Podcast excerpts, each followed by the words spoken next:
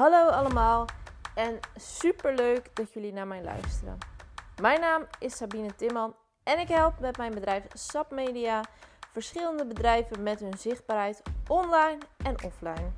Van het maken van blogs om beter gevonden te worden tot fotografie, video's, hele websites en social media.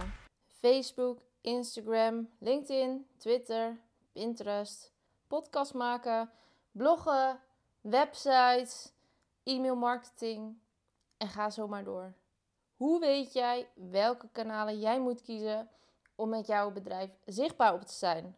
Of laat ik het beter zeggen, met jouw paardenbedrijf zichtbaar op te zijn. Er zijn tegenwoordig zoveel kanalen waarop je zichtbaar kan zijn. En ze hebben zo allemaal hun voor- en nadelen. Maar als je ervoor kiest dat je overal zichtbaar op wilt zijn, dan heb je daar gewoon echt een dagtaak aan als ondernemer. Dat is natuurlijk niet de bedoeling, want jij hebt natuurlijk ook werk te doen. En waarschijnlijk zal het maken van content niet je hobby zijn. Dus uh, is dat niet iets waar, uh, waar je de hele week aan wilt spenderen. Plus, het wil niet zeggen dat als jij ook maar overal zichtbaar bent, dat het effect dan ook meteen veel meer gaat zijn. Als jij bijvoorbeeld drie kanalen uitkiest om jezelf op naar voren te schuiven, dan kan dat even goed werken als dat je er tien kiest. En misschien kies jij er ook wel maar eentje. En werkt dat voor jou heel goed. Nu adviseer ik altijd mijn klanten om er drie uit te kiezen. Drie is een doelbare keuze en je kan ook uit kanalen kiezen waar je natuurlijk niet elke week of elke maand iets aan hoeft te doen of werk mee hebt. Maar we gaan het vandaag dus hebben over het kiezen van kanalen voor je marketingstrategie en om zichtbaar te zijn. Nou, als ik een ondernemer dus ga adviseren om kanalen te gaan kiezen, dan beginnen we eigenlijk altijd bij een website. Voor mij staat een website eigenlijk standaard in het lijstje. En waarom dit nou zo is, is omdat een website van jou is als ondernemer. Ga je kijken naar Facebook, Instagram, andere social media. Dat zijn kanalen die je linkt van dat platform. Besluit Instagram of Facebook dat het jou niet meer leuk vindt en uh, dat je iets hebt gedaan wat, uh, wat ze niet vinden kunnen en verwijderen ze je account, dan ben je dat platform kwijt. En weten mensen dus ook niet meer waar ze jou moeten vinden als jij ze nooit naar je website hebt doorgestuurd. Dus is voor mij een website altijd de basis van je kanalen. Het is jouw kanaal, jij hebt dat in beheer. En daar stuur je de mensen heen om uiteindelijk de acties uit te voeren. Bijvoorbeeld inschrijven op een nieuwsbrief, het lezen van een blog, het opnemen van contact, het plaatsen van een bestelling, noem maar op. Ik zorg er eigenlijk altijd voor dat de website dus je eindstation is. En je kan daar natuurlijk wel heel veel andere kanalen voor gebruiken om mensen naar, meer naar je website te krijgen. Dat kan je onder andere doen uh, met SEO, dus uh, het gebruik van zoekwoorden. Maar je kan ook heel handig sociale media gebruiken om daar bereik op te creëren en zo mensen door te sturen naar je website. Nou ja, die website, dat is er dus eentje. Die ik eigenlijk altijd gebruik voor iedereen. En van daaruit ga ik kijken naar wie is de ondernemer? Welke kanalen vind jij zelf leuk om aanwezig op te zijn? Wat vind jij zelf leuk om te doen? Als je bijvoorbeeld uh, naar Facebook en Instagram kijkt, dat is inderdaad hetzelfde platform. Het is allebei van Meta. En je kan er eigenlijk met één klik op de knop op allebei de platformen jouw bericht zetten. Maar Instagram draait veel meer om video's, om reels, om stories. Hoewel je dat ook op Facebook kan zetten, ja, heeft, heeft dat op Facebook eigenlijk nooit helemaal de juiste snaar geraakt. En um, draait het op Facebook echt nog wel om de langere post met meer uitleg, een verhaal. Iets persoonlijker. En Instagram draait gewoon iets meer om inspiratie. Om um, geïnspireerd te worden, om informatie te krijgen, om nieuwe dingen te zien. Facebook is echt nog wel meer ja, je vriendengroepje die je graag wilt volgen. En op Instagram is het makkelijker om een grotere doelgroep te bereiken door het gebruik van hashtags, locaties, tags, nieuwe features die het platform stimuleert. Maar ook door de algemene insteek van het platform word je sneller geïnspireerd om iemand te volgen. Vanwege zo'n mooie foto's, handige tips of aparte paard. En ja, dit is op Instagram wel flink veranderd sinds het begintijdperk, waarin het nog vrijwel alleen om foto's draaide. Maar nu zijn het dus, echt de video's waar het, uh, waar het platform op draait. Dus als jij op Instagram gaat als bedrijf, als hippiesbedrijf, dan moet je er ook wel aan toe zijn om aan de slag te gaan met video's. Natuurlijk kan je foto's posten en is dat ook een begin om ermee aan de slag te gaan op een laagdrempelige manier als je, als je er nog in moet komen. Maar wil je echt to the fullest gebruik gaan maken van Instagram, dan moet je toch echt aan die video's gaan geloven. Dus vind jij dat nog heel spannend als ondernemer, dan is dat misschien niet helemaal het, het platform voor jou nog. En ehm, wat dan helemaal niet het platform voor jou is, is TikTok. Want TikTok draait echt alleen maar op video's. En ook op een behoorlijk aantal video's. Op TikTok ja, moet je toch echt wel elke dag wel iets op posten. Of in ieder geval uh, iets op doen om dat, uh, om dat echt van de grond te krijgen. En om daar echt het verschil te gaan maken met je content. Dus dat moet je wel willen. En dat moet ook wel bij jou als ondernemer passen. Het hoeven helemaal geen moeilijke video's te zijn. Het liefst eigenlijk helemaal niet. Want bij TikTok kijken we eigenlijk het liefst bij iemand in de huiskamer. Gewoon gefilmd met een mobiel. Zo simpel mogelijk. Zo praktisch mogelijk. Dus daar hoef je echt niet heel veel tijd in te steken. Maar je moet het natuurlijk wel doen. En um, ja, daarom moet het wel echt bij je passen. Op TikTok kan je echt enorme bereiken creëren. Maar ik vraag me altijd nog wel af hoe hoog het conversiepercentage ligt. Dus wat de stappen ook gaan zijn van de mensen die jou op TikTok volgen of die jouw video's bekijken. Of daar echt acties uit voortkomen. Of dat echt je klanten worden. Of dat alleen mensen zijn die het leuk vinden om een filmpje te kijken. Dus ehm, als je besluit om op TikTok te gaan, bedenk je dat ook van tevoren. En ga het in het begin gewoon zien als een platform uh, om uit te proberen. En niet per se om heel veel winst uit te halen. Het zou vast kunnen, maar tot nu toe heb ik het bij hippische bedrijven eigenlijk nog niet gezien. Maar ik moet wel zeggen dat ik het zelf een heel leuk platform vind om inspiratie op op te doen. Je hebt daar zoveel content en vooral content die heel erg gemaakt is voor de kijker. Dus niet zozeer voor degene die de content maakt, maar voor degene die de content kijkt om ja, diegene zo lang mogelijk de video te laten kijken en zo goed mogelijk vast te houden, zo goed mogelijk aan te trekken. En ik denk dat dat heel veel ondernemers ook wel inspiratie kan geven hoe ze dat door kunnen vertalen naar de rest van hun content en bijvoorbeeld de content die ze op Instagram gaan maken. En als we het toch over social media hebben, dan hebben we natuurlijk ook nog LinkedIn. Dit is vooral het platform voor bedrijven en het perfecte kanaal om zakelijk een netwerk op te bouwen.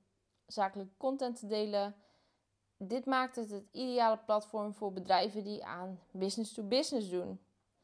En dat is wat heel veel hippische bedrijven natuurlijk niet doen. Heel veel paardenbedrijven die zijn er voor de consument, voor de particulier.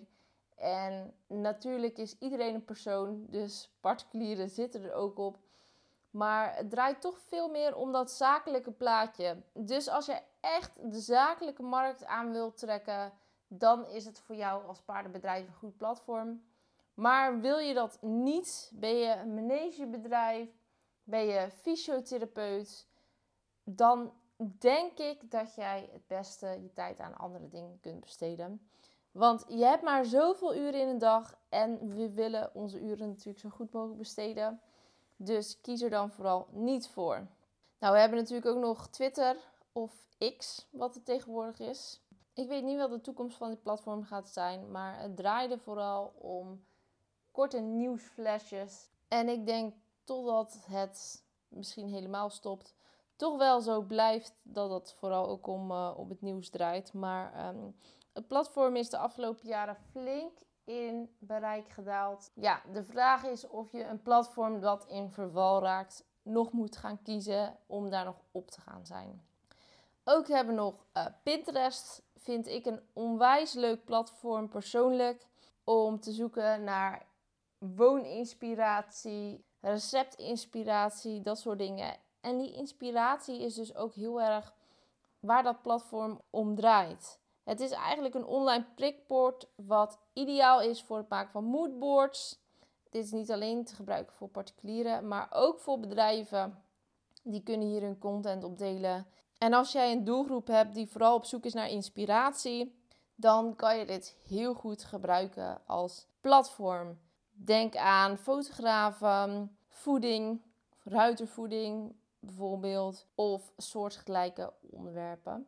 Ik moet wel eerlijk zeggen dat ik hem niet heel vaak gebruik voor paardenbedrijven omdat de meeste paardenbedrijven die ik begeleid toch iets meer in dat informatieve stukje zitten. In de dienstverlenende sector. Waardoor het platform iets minder goed past en aansluit bij de doelgroep die ze hebben. En daardoor uh, pak ik hem toch iets minder snel.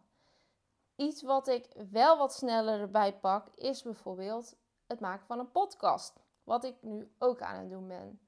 Het voordeel van een podcast is dat de investeringskosten niet heel hoog zijn. Je koopt gewoon een microfoontje of uh, je gebruikt daarvoor je mobiele telefoon. Je neemt een geluidsfragment op, uh, daar kan je nog van alles aan editen. Je gaat gewoon praten. Moet je natuurlijk wel kunnen en willen. En ja, je ziet wel wat eruit komt. En je kan heel makkelijk alle us en a's eruit knippen mocht je dat willen en mocht je daar onzeker over zijn. Wat met videocontent natuurlijk een heel stuk minder makkelijk is, want daarin zie je al snel dat het geknipt is. Dus ja, podcast vind ik wel heel makkelijk. En wat ik vooral heel fijn vind aan het maken van een podcast, is dat je en je kunt er heel goed je informatie op ventileren en heel veel mee delen alsof je met iemand uh, aan de telefoon zit. Uh, lijkt het bijna, alleen die andere praat niet terug. Of het echt zorgt voor nieuwe klanten. Um, dat is iets wat met podcast natuurlijk heel moeilijk te meten is. Je kan wel kijken hoeveel mensen jouw podcast hebben geluisterd. Maar hoe die vervolgens verder gaan met die informatie of met het contact wat ze met jou hebben gehad, dat kan je eigenlijk niet helemaal ja, eruit halen. En ik weet zeker dat podcasts wel iets doen. Waar het namelijk voor zorgt, is dat jij een betere band gaat creëren met jouw doelgroep. Twijfelen mensen nog um, of jij de juiste expertise hebt? Of willen ze jou als persoon beter leren kennen? Dan is het luisteren van podcasts echt ideaal. Zeker als je wat meerdere podcasts hebt waarbij ze jou wat langer kunnen aanhoren, dan zal dat heel veel effect gaan hebben op hoe mensen jou zien en hoe goed mensen jou kennen. En je wil dat toekomstige klanten jou leren kennen, omdat ze dan heel bewust voor jou als ondernemer kunnen kiezen en waarschijnlijk dan dus ook beter bij jou en je bedrijf passen. Dus daarom vind ik podcast zelf een hele goede optie. Wel is het een kanaal die bij mij niet bovenaan mijn prioriteitenlijstje staat. Ook omdat het niet direct dus resultaat geeft, maar meer op de langere termijn iets heeft. Dus ik heb nu een aantal ehm, afleveringen staan in mijn podcastkanaal. En ik probeer elke maand iets erop te zetten. Of iets informatiefs, zoals deze podcast over het kiezen van kanalen. Of een leuk interview met een succesvolle ondernemer. Om jullie te inspireren en om mijn stem te laten horen. Letterlijk. Maar het is dus wel een heel makkelijk kanaal om mee aan de slag te gaan. En twijfel hierover, gewoon een keertje proberen voor jezelf. Je hoeft het nog niet gelijk online te zetten. Maar het is toch iets wat heel vaak wordt geluisterd tegenwoordig. Vooral ook omdat je dat kan doen terwijl je met iets anders bezig bent. Stallen uitmesten, in de auto rijden. Waar je dat met video's en andere dingen niet kan doen, is podcast wel echt de ideale vorm van content nuttigen terwijl je iets anders ook aan het doen bent. Waarbij je wel je handen nodig hebt, maar niet je, je volle focus. Dus uh, daardoor vind ik het een, uh, een heel fijn platform en is het echt iets van nu. Wat je daarnaast natuurlijk ook nog hebt, is e-mail. Waar je vroeger misschien post kreeg van bedrijven, heeft die e-mail dit nu helemaal overgenomen. Vaak in de vorm van nieuwsbrieven.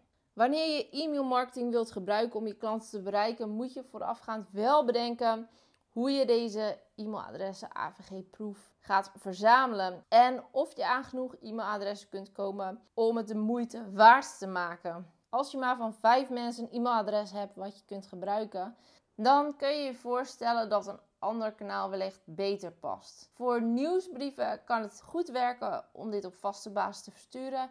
Maar ook als je als bedrijf weinig nieuws te melden hebt of weinig met tips doet, dan kan het versturen van mails juist negatief effect hebben en als spam worden gezien. Iedereen krijgt zoveel e-mails binnen elke dag dat jouw mail echt wel iets moet bijdragen. Willen mensen dit ook echt waarderen? Dus daar moet je wel heel goed over nadenken. En met mail kan je tegenwoordig ook iets minder goed meten door de software updates van Apple. Kan je iets minder goed meten of mensen met een iPhone jouw mail wel hebben gelezen. Maar nog steeds kan e-mail wel heel goed werken, want mensen krijgen het in hun mailbox, heel soms wel in hun spam. Dat is eigenlijk iets wat je niet wil. Maar als ze het in hun mailbox krijgen, dan zien ze het, dan kunnen ze het lezen op een moment waarin het hun uitkomt. Al worden ook heel veel mails niet gelezen.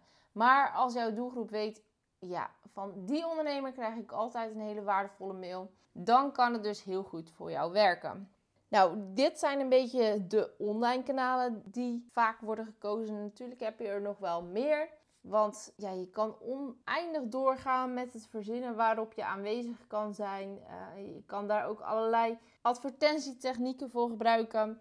Maar we hebben natuurlijk ook nog de traditionele kanalen, wat iets meer in het drukwerk zit bijvoorbeeld. Denk daarbij aan advertorials in magazines of advertenties in magazines. Dan gebruik je eigenlijk het platform van een ander om jouw doelgroep te bereiken. Kan heel goed werken.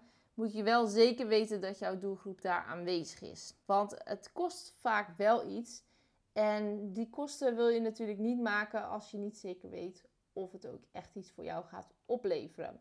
Nou ja, of het iets voor je oplevert, dat weet je natuurlijk nooit. Want online kan je natuurlijk heel veel dingen heel goed meten. En met drukwerk kan je dat natuurlijk niet. Maar je kan wel heel logisch redeneren als jij bijvoorbeeld diensten levert voor hippische ondernemers. Dat je niet in de bid moet gaan staan, maar dat een blad zoals de hippische ondernemer misschien beter bij jou past. Dus zo is het hoe je dat gaat analyseren. Daarnaast heb je natuurlijk ook altijd nog visitekaartjes, banners, folders. Vooral heel handig op evenementen of om even uit te kunnen delen. En om iemand fysiek iets mee te geven om een herinnering te maken. Want als deze mensen dat fysieke kaartje nog een keer terugzien, of die pen, of tegenwoordig uh, krijg ik heel veel emmers op evenementen met een logo erop dan denken ze toch vaak even aan je. En hoewel het geen directe boodschap is van ik bied dit aan, dus uh, contact mij nu, zien ze jouw logo of naam wel weer even voorbij komen en denken ze aan je. Wat ook weer een effect kan hebben op je zichtbaarheid en of mensen contact met jou gaan opnemen. Want ik heb het al eerder gezegd, maar mensen hebben gemiddeld 7 contactmomenten met jou nodig voordat ze echt tot een aankoop overgaan of voordat ze echt met jou contact gaan opnemen om een dienst aan te schaffen bij jou. Dus het zien van jouw logo, het zien van jouw naam, dat hoort ook tot die 7 contactmomenten. En dat maakt het ook leuk en afwisselend. Als jij alleen maar Instagram vol stopt met heel veel reclame en mensen zien altijd hetzelfde van jou, dan zullen ze daar ook wel een beetje moe van worden. Dus door die drie kanalen te gebruiken en daarin af te wisselen, uh, deze drie kanalen elkaar te laten versterken. Door bijvoorbeeld dingen terug te laten komen. Je kan je podcast bijvoorbeeld ook op je website zetten. Je kan je podcast ook op Instagram delen. Ja, maak je er zo een hele contentstrategie van. Die klopt en die op elkaar aansluit. En die vooral ook op je doelgroep aansluit. Dus ga jij aan de slag met het kiezen van je marketingkanalen Ga dan vooral even alle plussen en minnen op een rijtje zetten van alle kanalen die ik hier nu heb genoemd. En ga kijken wat jij graag doet, waar jij je prettig bij voelt. Maar ga vooral ook kijken waar je doelgroep op aanwezig is. Je moet het zelf vol kunnen houden en je moet het zelf als ondernemer kunnen doen. Of je moet daar natuurlijk iemand voor inschakelen. Maar het is ook heel belangrijk dat je doelgroep daarop aanwezig is en dat je daar ook gewoon de juiste doelgroep mee aantrekt. En dat jij jezelf kan laten zien. Dat jij je producten, dat jij je dienst kan laten zien. Want anders heeft het geen effect. Je gaat niet voor de leuk die kanalen allemaal bijhouden of op Instagram, maar wat berichtjes plempen in de hoop dat er ooit een keer een klant uitkomt. Mijn advies is: ga er een strategie achter zetten. Wat is die strategie? Uh, ga jezelf laten zien. Ga je producten laten zien. Ga je doelgroep laten weten waarom ze met jou samen zouden moeten werken. Of wat jij voor hun kunt oplossen. Wat jij voor hun kunt doen. En dan ga je er het meeste uithalen. Nou, ik wens jullie heel veel succes bij het kiezen van je kanalen. En mocht jij hier nou nog over willen sparren met mij een keertje, stuur mij vooral een berichtje via Instagram of een mailtje. En dan gaan we ook voor jou de juiste kanalen kiezen om jouw marketingstrategie ijzersterk op te zetten. Dus bedankt voor het luisteren naar een inspirerend verhaal. Wil je ook aan de slag met jouw zichtbaarheid? Neem een kijkje in het aanbod van mijn trainingen in de link in de show notes. Zodat jij meer fijne klanten kunt helpen. Want ik ben ervan overtuigd dat ik mijn kennis kan overdragen en dat ik dit ook aan jou kan leren. Tot in de volgende podcast.